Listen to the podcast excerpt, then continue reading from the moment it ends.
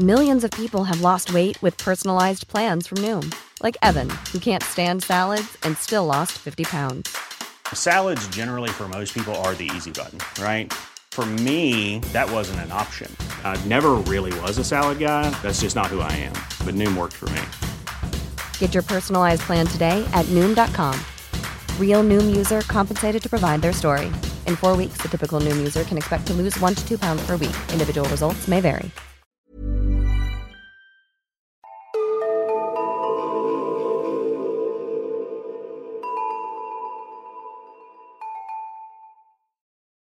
Hej och välkomna till Nära ögat, en true crime-podd för mesar. Mitt namn är Alexandra Kentsdottir. Och jag heter Amelia Ingman. Och välkomna till avsnitt 51. Jag har tänkt på en sak. Mhm. Sen vi startade den här podden så har jag fått ett helt nytt självförtroende. Okej. Jag är nu säker på att jag skulle överleva de flesta saker. Jag trodde du skulle säga börjat prata framför folk eller typ Nej, skriva manus. Nej, nej, du menar bara att du hade överlevt. Vad då? Nej men alltså jag tänker så här, om någonting skulle hända mig, då har ju jag 50 historier om folk som har överlevt sjukare saker än det jag skulle överleva. Ja, men jag tror fortfarande att jag hade överlevt. Inte pappan och dottern som var fast i snön efter att ha gått igenom isen. Jag hade dött. Nej men alltså jag tänker att om jag exempelvis skulle vara med om en bilolycka eller någonting så skulle jag ha ganska bra självförtroende över att jag skulle överleva. Jag vet inte varför men för att innan har jag tänkt så här, nej men gud jag skulle nog, jag skulle inte orka kämpa, jag skulle inte klara mig så länge. Men nu tänker jag, ja ja men alltså alla de här sjuka historierna vi har tagit upp, då borde jag ju också klara mig. Ja, kanske. Det är ett bra sätt att se på det. Men jag tänker att det är en, en positiv del av att ha en podd för mesar. Men alltså jag tänker typ, alltså jag kan ju vara lite flygrädd. Och det som skrämmer mig mycket är att jag vill inte överleva om det blir en krasch. Alltså. Alltså jag hoppas ju på att om planet störtar, då vill jag dö fort. För min värsta mardröm det är ju att överleva och bli fast någonstans där man inte kan få hjälp. Framför allt om planet kraschar i öppet hav. Men nu har du ju hört jättemånga historier om folk som lever typ flera månader på havet. Hemskt! Men de klarar sig och skriver en bok sen och lever lyckliga i alla sådana dagar. ja. Typ. ja, jag får försöka tänka lite mer som du gör med detta. Vad tycker ni? Har ni fått bättre överlevnadssjälvförtroende? In och kommentera på vår Instagram. Jag vill veta om ni håller med mig eller om ni håller med Amelia.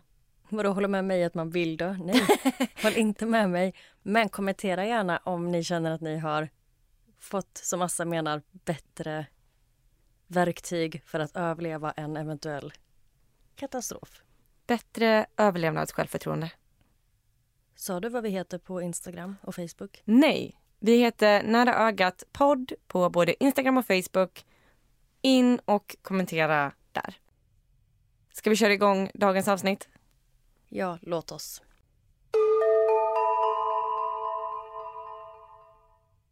Idag så ska jag berätta om Delimar Vera. Och dagens fall är ett tips från Sandra. Så tack så jättemycket för att du skickade in det här tipset. Mina källor är en artikel av Mamma Mia, ett Youtube-klipp av Ayman Hassan, ett Youtube-klipp av Rahana Law, en artikel av Mirror och CBS News. Och innan jag börjar idag så vill jag varna för att det här fallet har en del hemska detaljer. Lusaida och Pedro Cuevas är ett gift par som bor i Frankfurt, Philadelphia. Tillsammans har de två söner som är fem och sex år gamla och de är gravida med sitt tredje barn. Den 5 december 1997 får Lusaida en dotter som de ger namnet Delimar Vera. Flickan är jättesöt med sitt bruna hår och har en gullig smilgrop på sin högra kind. Innan de lämnar sjukhuset så är det standard att föräldrarna signerar födelsebeviset vilket Lusaida gör, men Pedro väljer att inte skriva på. Så på Delimars födelsebevis står inget namn för pappan. Paret åker hem med sin nya dotter och denna vintern är ovanligt kall så för att hålla Delimar varm så sätter föräldrarna in en värmefläkt i sovrummet. I familjens hem har de ofta besök av olika familjemedlemmar speciellt nu när alla vill hälsa på den nya bebisen. Men det är en sak som retar Lusaida och som gör henne lite frustrerad och det är att Delimar ofta inte stannar på den platsen som hon lämnat bebisen. Till exempel så kan hon lägga Delimar i spjälsängen och sen nästa gång hon går för att kolla till henne så kanske hon ligger på en babyfilt på golvet. Och det är just för att det är så många familjemedlemmar där som hela tiden lyfter upp bebisen och flyttar på henne. Och Lusaida förstår att de vill bara hjälpa till och de menar väl, men det är samtidigt lite irriterande. Den 15 december, när Delimar är tio dagar gammal så bestämmer sig familjen för att bjuda hem släkt och vänner på en julfest. De bor i ett tvåvåningshus och alla gäster befinner sig på nedervåningen. Och bland gästerna så finns bland annat Lusaidas mamma, grannar till familjen och avlägsna släktingar. Till exempel en ingift kusin till Pedro som heter Caroline Correa som nyligen berättat att även hon väntar barn. Helt plötsligt så hör Lusaida en hög smäll från ovanvåningen och de känner lukten av rök. Hon springer upp för att kolla till bebisen och när hon kommer in i Delimars rum så brinner det där inne. Det är stora lågor överallt och hon kan inte se Delimar någonstans. Hon letar i panik men kan inte se henne. Och hon lägger märke till en sak som är lite konstigt och det är att fönstret i Delimars rum är öppet trots att det är iskallt ute. Och Lusaida är helt säker på att hon inte öppnat fönstret. Men hon springer ner för trappan och ut i huset för att se ifall någon annan har Delimar. Men ingen vet var hon är. Lusaida får panik och försöker springa in igen men hon blir stoppad och folk håller fast henne så att hon inte ska ta sig in i elden och den giftiga röken. Brandkår kommer till platsen och lyckas släcka elden och de kan fastslå att branden utlöstes av en hemmagjord förlängningssladd som var ikopplad i värmefläkten. Brandmännen meddelar att det inte gick att rädda bebisen och de kommer ut med en gul filt och i den ligger Delimars aska. Men va? Mm. Och branden pågick i ungefär 18 minuter så allt det här har gått väldigt snabbt. Men vad hemskt. Ja, det är ju en extrem tragedi och Lusaida är i chock. Lusaida är helt panikslagen och skriker efter sin dotter.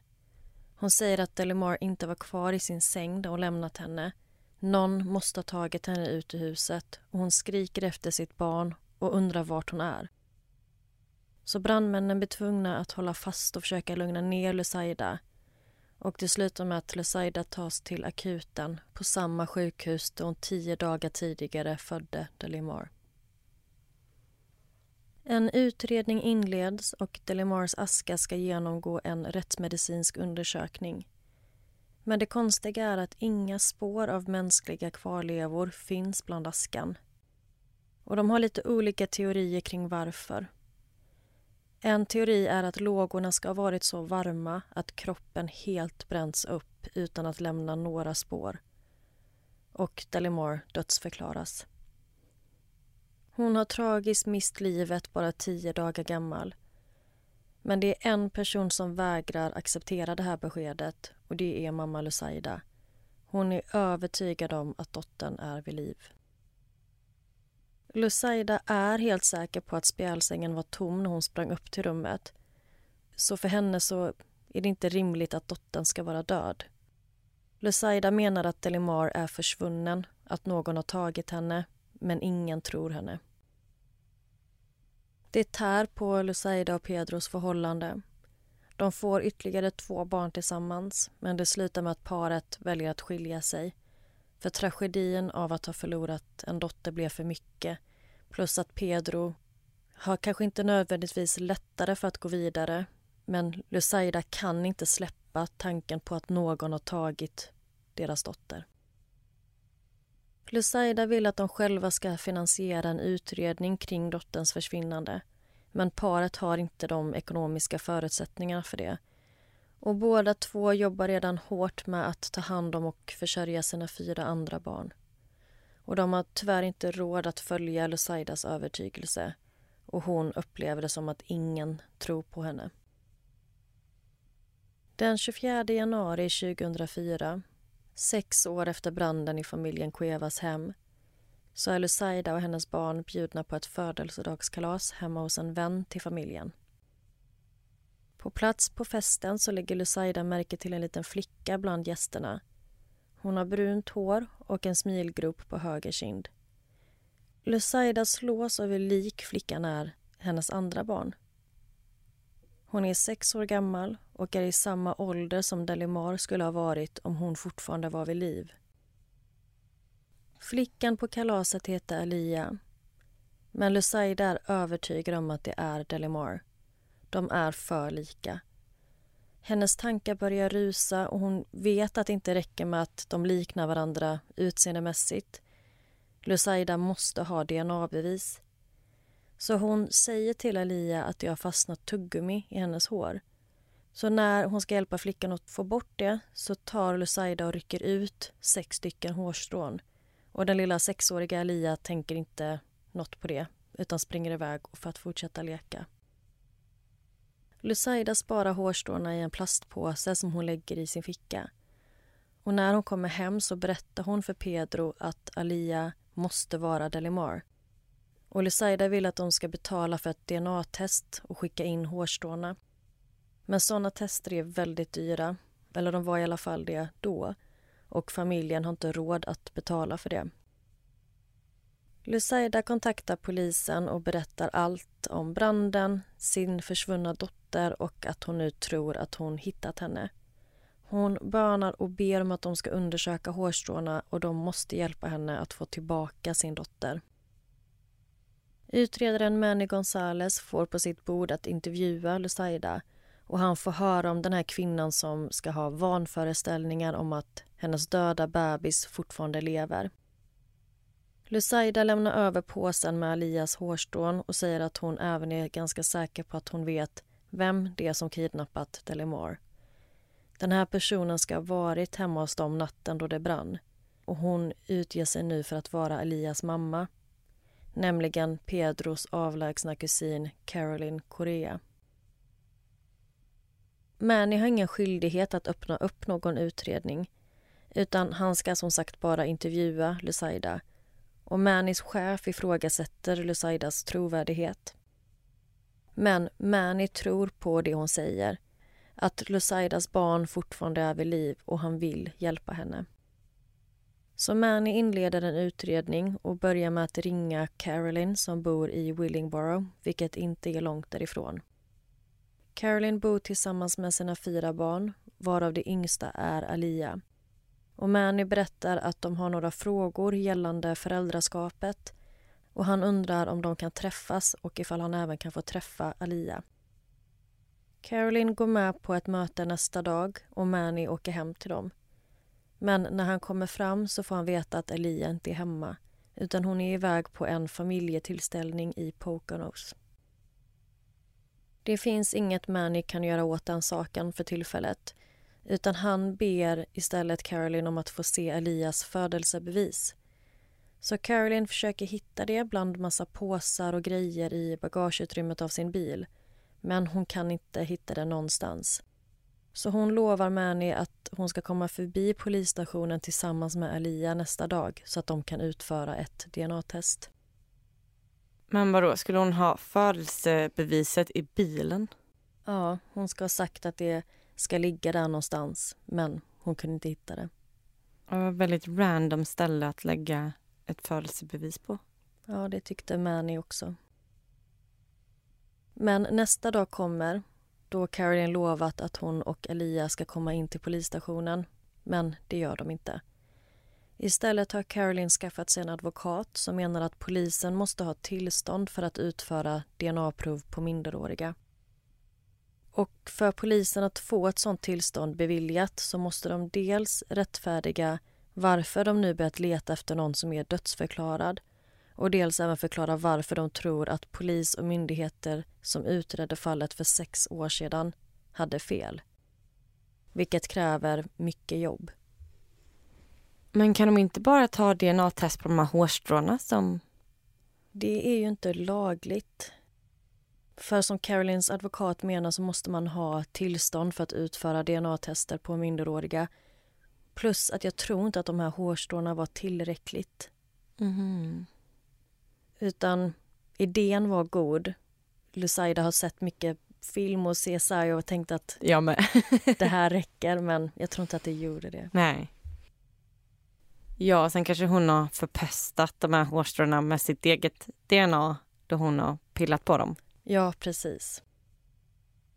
Så Mani börjar jobba med att få det här tillståndet beviljat. Och för att komma igång med den här utredningen så börjar Mani med att sammanställa en lista med alla tänkbara ögonvittnen som man kan komma på. Och han betar sedan av listan genom att ringa upp dem en efter en. Och en av brandmännen som han kontaktar berättar att under alla sina verksamma år som brandman så har han aldrig tidigare varit med om en brand där någon blivit så illa bränd till den punkt att det inte finns några som helst spår kvar. Ja, för du sa att branden bara höll på i 18 minuter. Mm. Och om man tittar på mycket så här true crime-serier så vet man ju att det är väldigt, väldigt svårt att bränna upp en kropp. Precis. Och det känns ju ganska sjukt att det skulle gå på bara 18 minuter. Ja, och enligt vissa källor så pratar de om det här med att det var en bebis. Och hon var bara tio dagar gammal och då har man inte ett tillräckligt utvecklat skelett och man har mer mjuka vävnader så att det kan vara därför med de trodde att det var det som faktiskt hände. Mhm. Men den här brandmannen som Manny pratar med, han tycker att detta sticker ut för honom som väldigt udda. Att kroppen skulle vara helt bortbränd. Och för att ge ett exempel. Om man kremerar en vuxen kropp i intensiv hetta så tar det upp till 14 timmar att bränna kroppen. Vilket är mycket längre och mycket kraftfullare än en brand utlöst av en värmefläkt som endast varade i 18 minuter. Brandmannen menar att branden har inte hunnit pågå tillräckligt länge för att bränna upp alla spår av bebisen och han säger att det är inte möjligt. Så nu känner sig Manny bara ännu mer övertygad och helt säker på att Delimar inte mist livet i branden. När polisen börjar titta närmare på och utreda Carolines bakgrund så upptäcker de att hon vid flera tillfällen har fejkat graviditeter vid ett tillfälle så åkte hon till en begravningsbyrå med en urna full av aska och påstod att hon förlorat sitt barn vilket ledde till att hon fick massa pengar från folk som ville stötta och hjälpa henne. Och om detta stämmer så är det såklart en väldig tragedi men det verkar inte som att hon har förlorat ett barn tidigare. Polisen får reda på att Caroline opererat bort sina äggledare så hon kan inte längre få egna barn. Och Hon ska ha gjort detta flera år innan hon menar att hon blev gravid med Alia. De får även fram information om att Caroline ska ha varit inblandad i anlagda bränder tidigare vilket får utredarna att tänka på branden och explosionen hemma hos Lusaida. I anmälningarna gällande hennes tidigare anlagda bränder så står det att hon använt sig av burkar med aerosol en typ av gas. Så nu tänker de att hon kan ha ställt en sån burk på värmefläkten och sen när den blev tillräckligt uppvärmd så exploderade den. Men att hon då redan hade tagit bebisen från huset. Både advokater och poliser jobbar nu med att få fram ett intyg för att utföra ett DNA-test. Men trots detta så väljer till sist Caroline att frivilligt komma in till polisstationen tillsammans med Alia för att låta dem utföra DNA-testet. Men först ber hon om att få låna toaletten. Kim Boston, en polis på stationen, överhör detta och hon tycker att det låter märkligt att de direkt ber om att låna toaletten. Så hon smyger in på toaletten innan Caroline. Och när Caroline och Alia går in så vet de inte att en polis befinner sig i ett av båsen. Caroline plockar fram något ur sin handväska och börjar spraya det i Alias mun. Och det ska visa sig att det är Carolines eget saliv som hon sprutar in i flickans mun. Men ew. Mm, så äckligt. Och det här gör hon då för att hon tror att det ska manipulera DNA-testet. Men alltså, Carolyn. Ja. Läs på. Men som tur är så kan polis Kim Boston meddela provtagarna detta. Så de slänger den första salivsvabbningen och gör ytterligare ett test. Flickan omhändertas av socialtjänsten i väntan på provsvaret. Tre dagar senare kommer resultatet och det bekräftar misstankarna. Alia är Delimar. Alltså stackars barn. Mm. För nu har ju hon vuxit upp med någon som hon tror är sin mamma. Ja, och hon har ingen aning om att en annan familj har letat efter henne i sex år. Hon har ingen aning om att hon är saknad. Och hon känner inte dem. Nej. Usch. När provsvaren kommer in så är Caroline genuint chockad över resultatet som säger att Elia inte är hennes dotter. Och hon börjar skrika om att hon visst har ett barn. Så vad är då hennes dotter någonstans? Och hon vägrar acceptera DNA-bevisningen. När polisen åker för att gripa Caroline så är hon borta.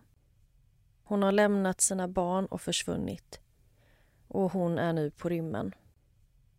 Men tre dagar senare lämnar hon över sig själv till polisen.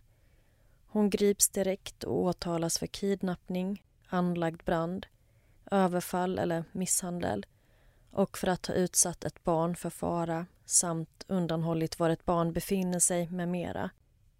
Totalt tilldelas hon 13 åtalspunkter. Och Caroline nekar till allt. Men efter ett tag så ändrar hon sin historia. Och Hon påstår nu att Pedro gett henne bebisen och att det ska ha varit deras plan från början. Men som jag sa tidigare så är Pedro inte officiellt pappa till barnet. Alltså han är pappa men han skrev aldrig på födelsebeviset. Så därför kan den här planen inte vara sann. Han har inte haft några rättigheter som barnets förälder så han har därmed inte heller haft rätt att lämna över barnet som Caroline menar att de var överens om.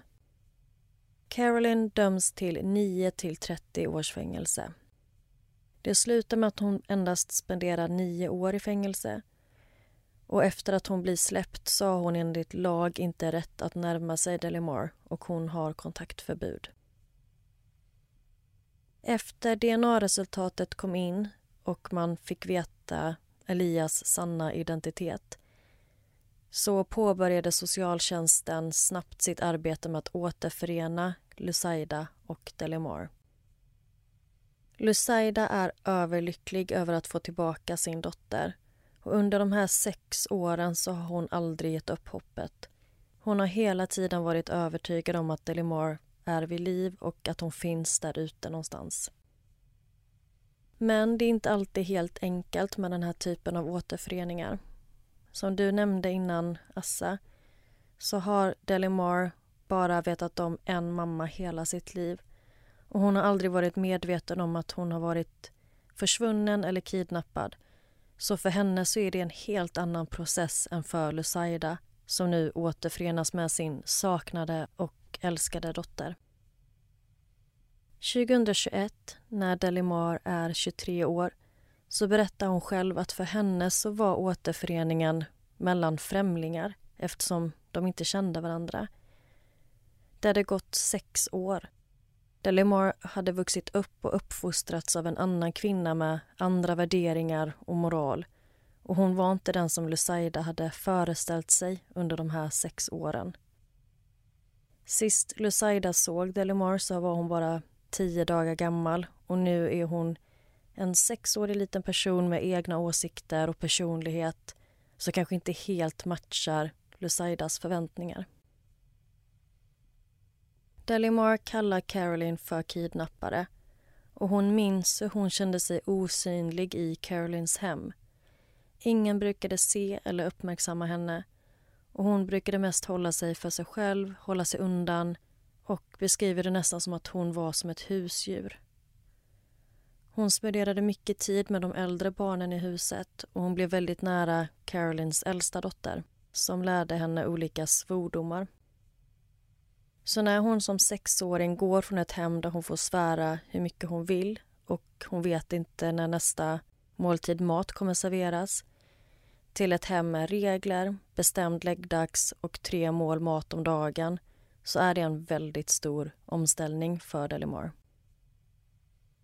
Lusaida var väldigt tålmodig och hon pressade inte Delimar att det var okej okay att göra misstag men hon försöker samtidigt vänja bort de här inlärda mönstren som kom från Caroline.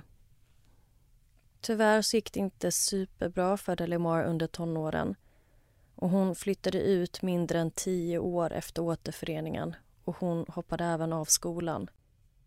Och vid 14 års ålder så flyttade hon in i ett grupphem där hon fick hjälp att bearbeta sitt trauma och stöttning med att hantera allt hon gått igenom. Socialtjänsten fanns även där för henne och såg till att hon fick den utbildning hon behövde, en examen, en egen lägenhet och så vidare. Och till slut så bygger Delimore upp relationen med sin mamma igen och hon och Lusaida har idag ett väldigt fint band. Så de fick kanske inte riktigt den återföreningen som alla hade hoppats på. Men till sist så föll allt på plats. Och med tanke på det trauma som alla inblandade genomgått så är det fantastiskt att de hittade tillbaka till varandra. Idag är Delimore en lycklig ung kvinna. Hon mår bra, relationerna är reparerade och hon har en fästman. Och det var berättelsen om Delimore Vera. Oj, vilken spännande historia. Ja, tack igen Sandra för att du skickade in det här tipset. Jag hade aldrig hört talas om det innan. Nej, jag har inte heller hört om det här tidigare. Men jag tänkte Caroline. Mm. Bodde hon i närheten? Alltså i och med att de hamnade på samma kalas? Nej, utan om jag förstår det rätt så var Caroline i Philadelphia natten då branden skedde och Delimar försvann. Då var hon bara där på besök. Och direkt efter det så försvann Caroline. Hon lämnade Philadelphia och flyttade till New Jersey. Så jag tror att det var där Delimar växte upp. Men när de var på det här kalaset då vet jag inte om de hade flyttat till Philadelphia eller om de bara var där på besök. Mm.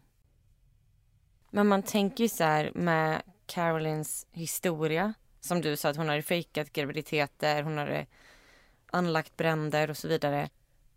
Om polisen hade gjort ett ordentligt jobb så hade de ju faktiskt kanske kunnat ta reda på det redan då. Ja, men jag tror att i och med att de fastslog att branden inte var anlagd relativt tidigt, att de kunde säga att det var från den här förläggningssladden, vilket kanske inte stämmer. Men i och med att det var så de såg på branden så fanns det inget brott att utreda. Och brandmännen hade gjort ett uttalande om att kroppen var bränd trots då att provresultatet som vi vet visade någonting annat så fanns det inte riktigt något brott att utreda. Att man menar att även om det inte finns kvarlevor i askan så kan det fortfarande vara så att kroppen var bränd. Och det enda de hade det var ju Lusaidas magkänsla. Och det var inte tillräckligt. Ja, alltså det som blir så tragiskt det är att det är så otroligt synd om Delimar. Mm. För som jag sa innan, alltså hon har ju vuxit upp med någon som hon tror är sin mamma. Och sen blir hon liksom överlämnad till främlingar. Mm.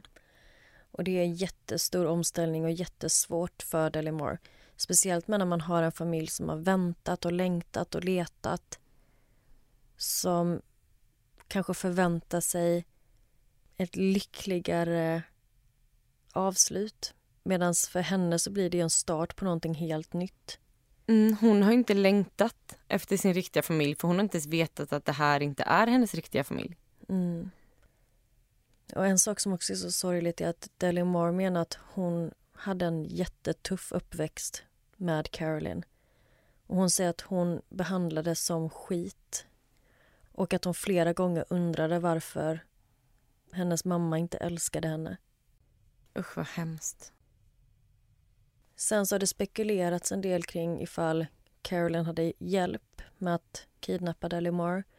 Men det finns ingenting som pekar på att det ska vara så. Och det sägs att hon ska ha haft en pojkvän som trott att hon var gravid och hon ska dykt upp hemma hos honom med en bebis och bett honom ta hand om henne och sagt att det är hans dotter. Och han var ju såklart jätteglad över den här lilla Alia och han avgudade verkligen den här flickan. Och sen efter några dagar så kom Caroline tillbaka och hämtade henne och efter det så tror jag bara att Alia, eller Delamar då, växte upp med Caroline. Och jag har ju tagit upp ett liknande fall innan med en bebis som kidnappades. Och då var just motivet att kidnapparen ville ge sin partner ett barn. Och det verkar som att det kan även vara fallet här. Ja, för att om hon går igenom hela processen att så här, kidnappa ett barn för att sen behandla barnet som skit och inte visa att man älskar barnet, då känns det inte som att hon har kidnappat barnet för sin egen skull. Utan kanske då för att behålla en man eller liknande som det typ var förra gången. Ja, man kan ju bara spekulera men jag tror verkligen att det kan vara så. Och sen så finns det en film som är baserad på det här fallet som heter Little Lost Girl, The Delimore Vera Story. Så om ni är intresserade så kan ni kika in den. Den tror jag finns på Youtube om ni vill se. Ja, och vi kan väl lägga upp den i highlights också. Absolut. Så hittar ni titeln ganska enkelt. Ja, men tusen tack för den här storyn. Det var så spännande. Tack. Och nu vill jag lyssna på ditt. Life is full of what ifs. Some awesome. Like what if AI could fold your laundry? And some, well, less awesome. Like what if you have unexpected medical costs? United Healthcare can help get you covered with Health Protector Guard fixed indemnity insurance plans they supplement your primary plan to help you manage out of pocket costs. No deductibles, no enrollment periods, and especially no more what ifs. Visit uh1.com to find the Health Protector Guard plan for you.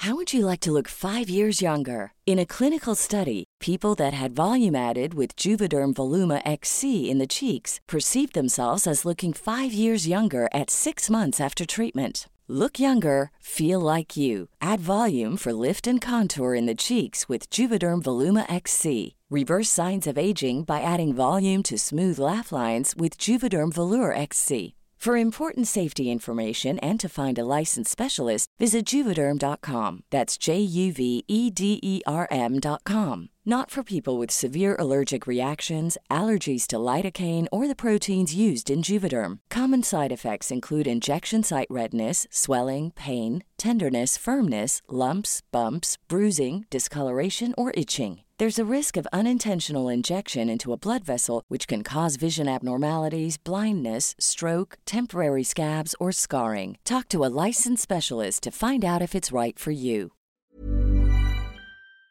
Alassa. Idag ska jag berätta om Daniela Keener och Daniel Sapp. Jag vill varna för hemska detaljer i den här historien.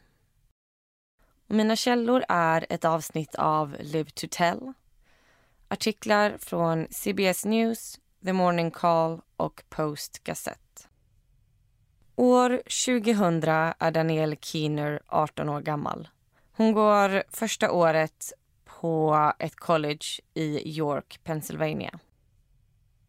Danielle bor tillsammans med en kompis.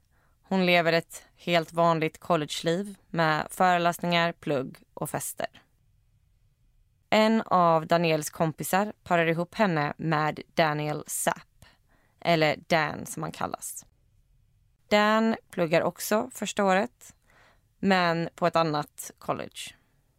De går på en första dejt som är väldigt lyckad. De tycker om varandra och har mycket gemensamt. Och den 8 januari år 2000 så ska Danielle och Dan gå på dejt nummer två. Danielle rådfrågar sin mamma vad de borde göra på dejten och hon föreslår att de borde ta en mysig promenad, kanske gå förbi hamnen. Danielle tycker att det här låter som en bra idé. Så hon och Dan tar en promenad. De går längs med floden, de pratar, skrattar och stannar och kastar lite småsten i vattnet. Och när de står där så möter de en röd pickup och i den sitter en man. Och bak på flaket står det en rottweiler. Mannen stannar till och ropar på dem. Han frågar om de behöver skjuts. Paret tackar vänligt nej och mannen åker vidare. De fortsätter promenera längs med floden. Och innan de ens förstår vad som händer så inser de att mannen har vänt bilen och kört ikapp dem. Han stannar bilen framför dem och blockerar deras väg. Mannen är märkbart arg och full. Han hoppar ur bilen och riktar en pistol mot dem. Sen skriker han på dem att de ska hoppa in i bilen. Både Danielle och Dan blir otroligt rädda. De förstår inte alls vad det är som händer. Dan försöker lugna situationen och säger att mannen kan få hans klocka och hans bilnycklar och att det finns en laptop i bilen som han också kan ta. Så länge han inte skadar dem. Och Daniel säger att de gör vad som helst bara han inte dödar dem. Men mannen bryr sig inte om sakerna utan befaller paret att hoppa in i bilen för annars ska han skjuta dem. Paret vågar inget annat än att hoppa in i bilen och mannen kör iväg med dem. Bilfärden känns som en evighet. Han kör på småvägar och det verkar som att han känner till området. Det här är en fullständig mardröm för det unga paret. De har ingen aning om vart han ska ta dem. Och paret beskriver honom som galen. Den här mannen är helt utom sig. Han är upprörd, han är arg, han skriker och han är frustrerad. Han känns otroligt labil. Mannen kör genom skogen, på grusvägar, fram till en avskild del av floden. Han tvingar ut dem ur bilen. Han vaggar fram och tillbaka och pratar med sig själv. Han säger högt att han inte vet vad han ska göra med dem, för nu har de sett hans ansikte. Det är för sent. Han tar pistolen och skjuter mot floden samtidigt som han skriker för sig själv. Och han gör så två, tre gånger. När Danielle hör skotten så blir hon otroligt rädd och hon förstår att mannen verkligen menar allvar. Mannen har nu äggat upp sig själv ännu mer och han tar Dan och tvingar honom upp på flaket där han får sitta med rottweilern. Och sen tvingar han in Danielle i baksätet. Mannen hoppar också in i bilen. Så vänder han sig mot henne och säger Så du sa att du skulle kunna göra vad som helst för att överleva. Daniel förstår direkt vad det är som kommer hända. Han kommer våldta henne. Hon vill inte dö och hon vill absolut inte att Dan dör på grund av henne. Så hon nickar och därefter våldtar mannen Daniel. Och Dan förstår också vad det är som händer och han tycker att det är otroligt jobbigt och frustrerande att inte kunna hjälpa Daniel i den här fruktansvärda situationen. När mannen är klar tvingar han ut Daniel ur bilen. Och han tar ner Dan från flaket. Han befaller dem att gå ner mot floden. När de står där nere vid floden så hoppas Daniel att mannen nu ska vara nöjd. Han har fått det han ville ha. Hon hoppas på att han ska släppa dem. Dan tänker helt annorlunda. Han förstår att han kommer dö. Att mannen kommer döda dem. att det här är hans sista dag i livet. Och när de står där nere vid flodkanten så smäller det. Dan slås omkull av kraften. Han förstår inte vad det är som har hänt men han ligger nu på marken och det rinner blod ut ur hans mun. Och han känner hur han sakta börjar bli kall och trött. Danielle får panik. Hon faller ner på knä. Dan viskar till henne. Förlåt, jag måste lämna dig nu. De säger att de älskar varandra. Sen hör hon en till smäll samtidigt som hon känner ett enormt tryck i huvudet. Och hon känner inte att det gör ont. Dan faller in och ut ur medvetande. Han känner hur mannen rullar honom och hur han sen chockas av iskallt vatten. Han försöker hålla sig flytande. Samtidigt får Danielle också tillbaka medvetandet av att hon läggs i det iskalla vattnet. Hennes kropp är avdomnad och hon har svårt att röra sig. Hon spottar ut blod och köttslamsor ur munnen och hon förstår att hon har blivit skjuten i ansiktet. Danielle ser att Dan också är vid medvetande. Och Dan säger åt henne att bara flyta med strömmen och att de ska spela döda. Mannen står nämligen fortfarande kvar vid flodkanten och tittar på dem. Men sen vänder han sig, går upp till bilen och kör iväg. Nu simmar Dan till Danielle och de håller ihop. De tappar taget om varandra och Danielle flyter bort. Hon kan inte riktigt kontrollera sin kropp. Dan simmar tillbaka och hämtar henne och sen fortsätter de att flyta med strömmen samtidigt som de försöker simma in mot kanten. Pete Prowell, en jägare, står i skogen och kikar ut mot floden när han ser två personer som kommer flytande. Han ropar efter dem och börjar ta sig ut i vattnet. Han lyckas få tag i Dans hand och dra in dem till land. Han ser att de båda ungdomarna har blivit skjutna i huvudet. Och ingen av dem kan prata utan båda bara skakar av kylan. Har båda två överlevt efter att ha blivit skjutna i huvudet? Mm. Det är ju helt sjukt. Ja, båda har blivit skjutna i huvudet. Och jag kommer berätta lite mer detaljer kring deras skottskador strax. Pete, den här jägaren, har då fått in ungdomarna till land och han inser att de måste få hjälp snabbt. Och han har ingen telefon på sig utan springer upp till vägen där han lyckas stanna en bil. Och han säger åt dem i bilen att skicka hit en ambulans. På sjukhuset så tar läkare Dr. John Hankel hand om dem. Dr. Hankel berättar att Danielle har blivit skjuten i ansiktet så högra delen av hennes underkäke har krossats han beskriver den delen av käkbenet som Rice Krispies. Det vill säga att det helt är i spillror. De opererar in en platta i käken på henne och de syr ihop hennes tunga. Och de måste kila ihop hennes mun med metalltrådar för att käken ska läka rätt. Hon sätts i medicinsk koma och hennes huvud svullnar upp så att det är stort som ett bowlingklot. Danielle hade också blivit skjuten i låret och den kulan hade gått igenom lårmuskeln och ut på andra sidan. Dan hade blivit skjuten bakom örat, genom halsen och sen gick kulan ut på andra sidan genom käken.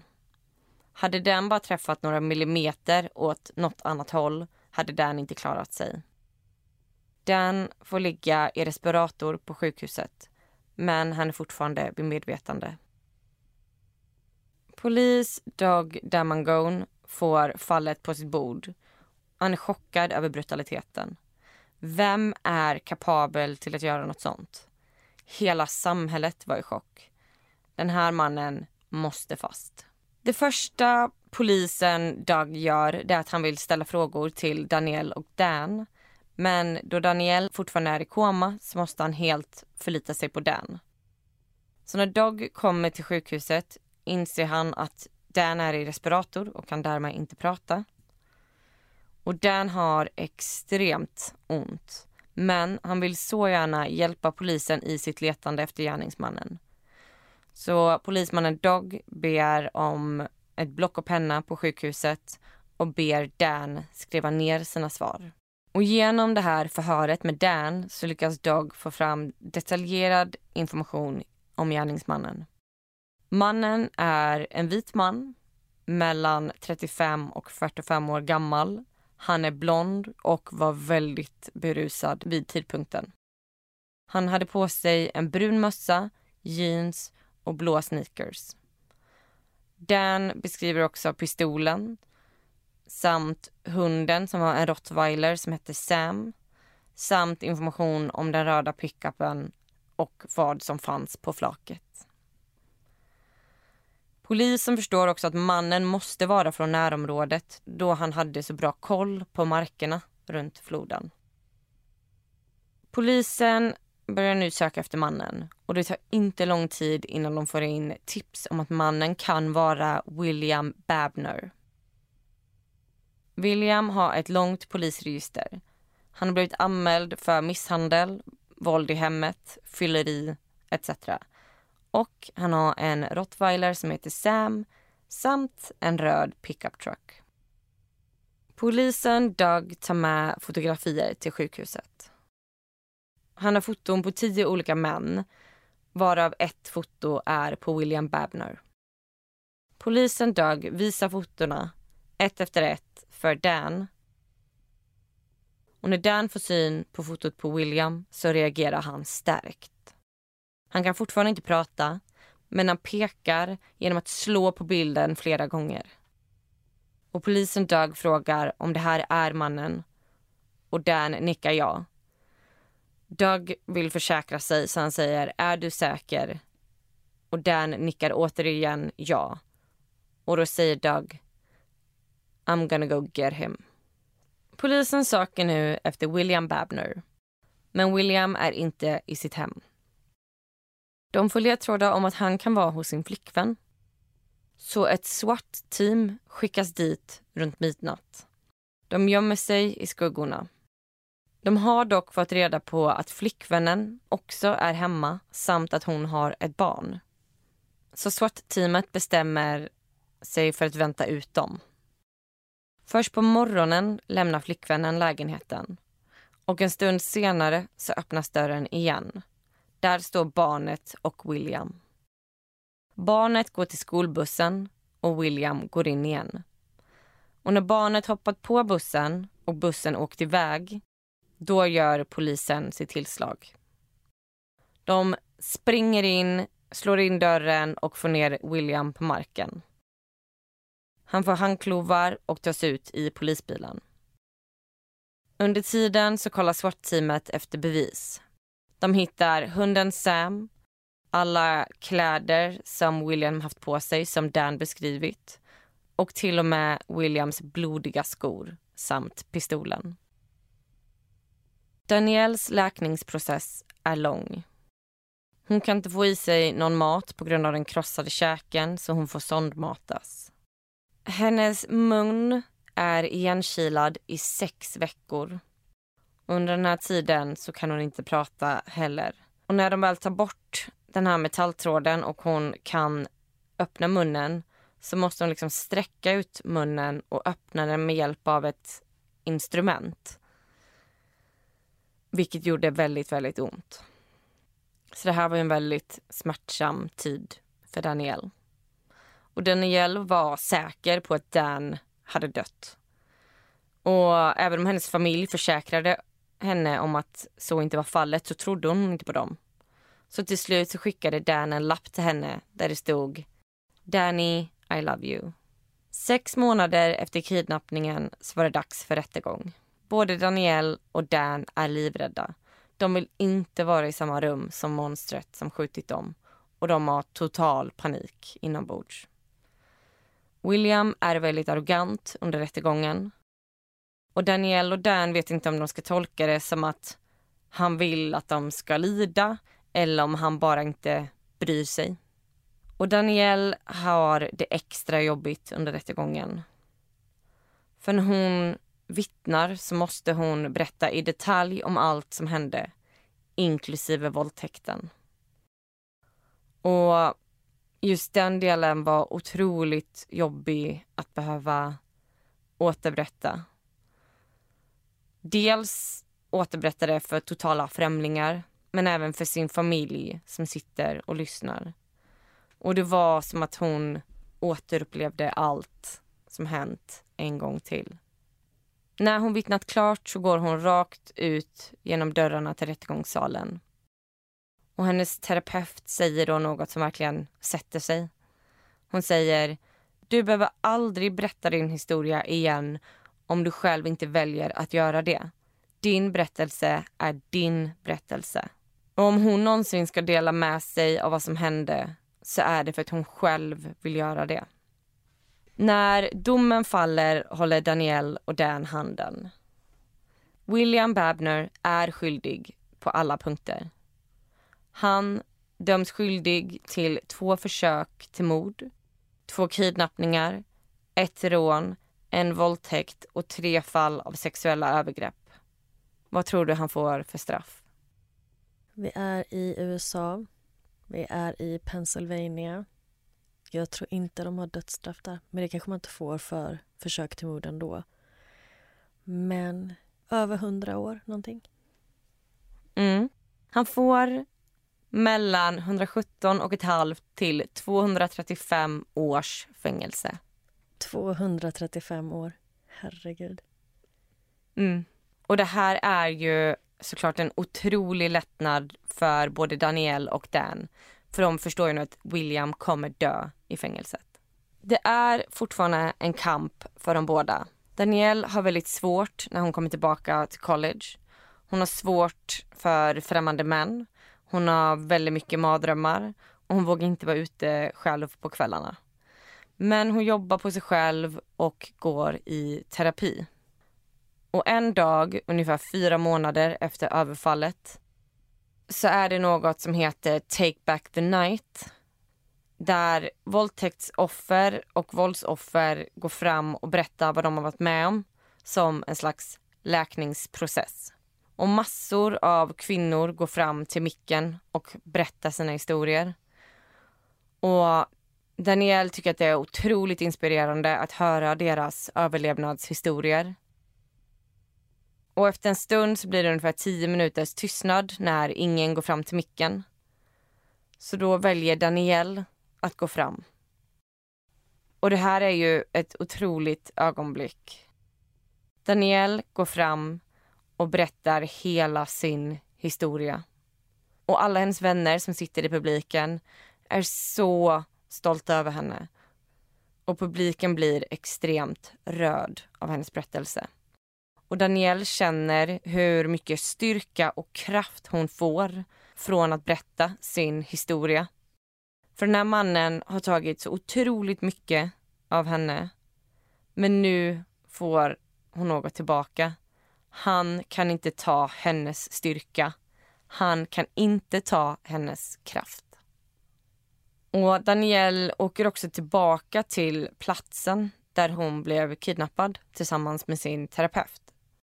Och det här är något som stärker henne. För hon inser nu att det inte är platsen som är farlig eller läskig. Utan det är personen som gjorde det. Och att platsen fortfarande är vacker. Danielle och Dan håller kontakten. Men det har varit alldeles för mycket trauma tillsammans för att de ska kunna bygga någon slags romantisk relation. Så de förblir vänner. Och de har ett otroligt band mellan varann. Det är som att deras själar har knutits samman på något sätt. Dan vill bara glömma allt som hänt. Och han går inte i terapi fast han vet att han borde. För han orkar inte bearbeta det utan han vill bara att det ska försvinna. Och det är först några år senare när han träffar sin fru som han faktiskt tar tag i allt och börjar bearbeta händelsen med hennes stöd. Danielle träffar en man som hon gifte sig med. Och flera av dem som var med och hjälpte dem är gäster på bröllopet.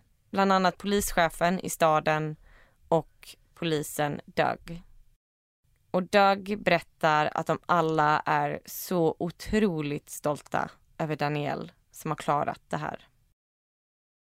Idag arbetar Daniel som socialarbetare och hon och hennes make har fått en dotter. Och Dan studerar psykologi. Och det var historien om Daniela Keener och Daniel Sapp. Planning for your next trip? Elevate your travel style with Quince. Quince has all the jet setting essentials you'll want for your next getaway, like European linen, premium luggage options, buttery soft Italian leather bags, and so much more. And it's all priced at 50 to 80% less than similar brands. Plus, Quince only works with factories that use safe and ethical manufacturing practices. Pack your bags with high-quality essentials you'll be wearing for vacations to come with Quince. Go to quince.com slash trip for free shipping and 365-day returns. Ja, det är helt otroligt vilken historia. Att båda överlever efter att ha blivit skjutna i huvudet. Mm. Helt otroligt. Mm, de blev skjutna i huvudet och dumpade i en flod. Och båda klarar sig. Mm. Det är knappt att man kan tro att det är sant. Nej. Och Danielle säger ju att Dan är hjälten. Han hjälpte henne så mycket i floden och så till att hon höll hoppet uppe. Men man tänker ju också så här, vad är det för genomond människa som gör något sånt här? Men det känns så slumpartat. Att det var bara, han bara råkade köra förbi och det bara råkade bli Dan och Danielle som blev hans offer. Mm. Ja, alltså han hade ju ett register hos polisen som var ganska långt med liksom misshandel och våld i hemmet. Men det känns som att den här attacken var så extremt grov. Så man undrar ju om det här var alltså den första attacken som var så grov som han gjorde eller om han har gjort något liknande tidigare. Mm. Ja, jättesvårt att säga. Men det känns som ett sånt extremt kliv från, låt säga att våld i hemmet var det grövsta tidigare från hans register till då våldtäkt, försök till mord och allt det han utsatte de här två personerna för. Om inte de hade överlevt så hade det varit en total avrättning vid floden. Och förmodligen ganska svårt att hitta gärningsmannen i och med att de inte har någon personlig koppling till varandra. Nej, och han dumpar dem i floden så att de skulle ju flyta iväg. Och DNA-beviset tvättas bort. Mm. Nej, man blir alltid så förvånad över att det finns så otroligt hemska människor. Mm, Men så bra gjort av polisen att ändå så pass snabbt hitta honom och kunna gripa honom. Ja. Och det var ju bland annat på grund av att Dan hade så pass detaljerad information om gärningsmannen. Ja, och jag gillar även att du avslutade med att Daniel nu får styrka av att dela sin historia och att Dan får hjälp att bearbeta sin. Ja, och de är vänner idag, Daniel och Dan. Jag har en så bild på båda deras familjer när alla de sitter tillsammans som jag kommer lägga ut på vår Instagram, Nära ögat podd. Så in och följ oss där. Och vi heter även Nära ögat podd på Facebook också för er som föredrar det. Ja, och vi lägger såklart ut bilden där också. Så ja, in och kommentera och eh, tipsa gärna om ni har några andra fall. Ja, och glöm inte gå in och diskutera om ni har fått bättre överlevar självförtroende. Ja, precis. Jag vill verkligen höra det. Vi hörs igen nästa vecka. Ha det fint.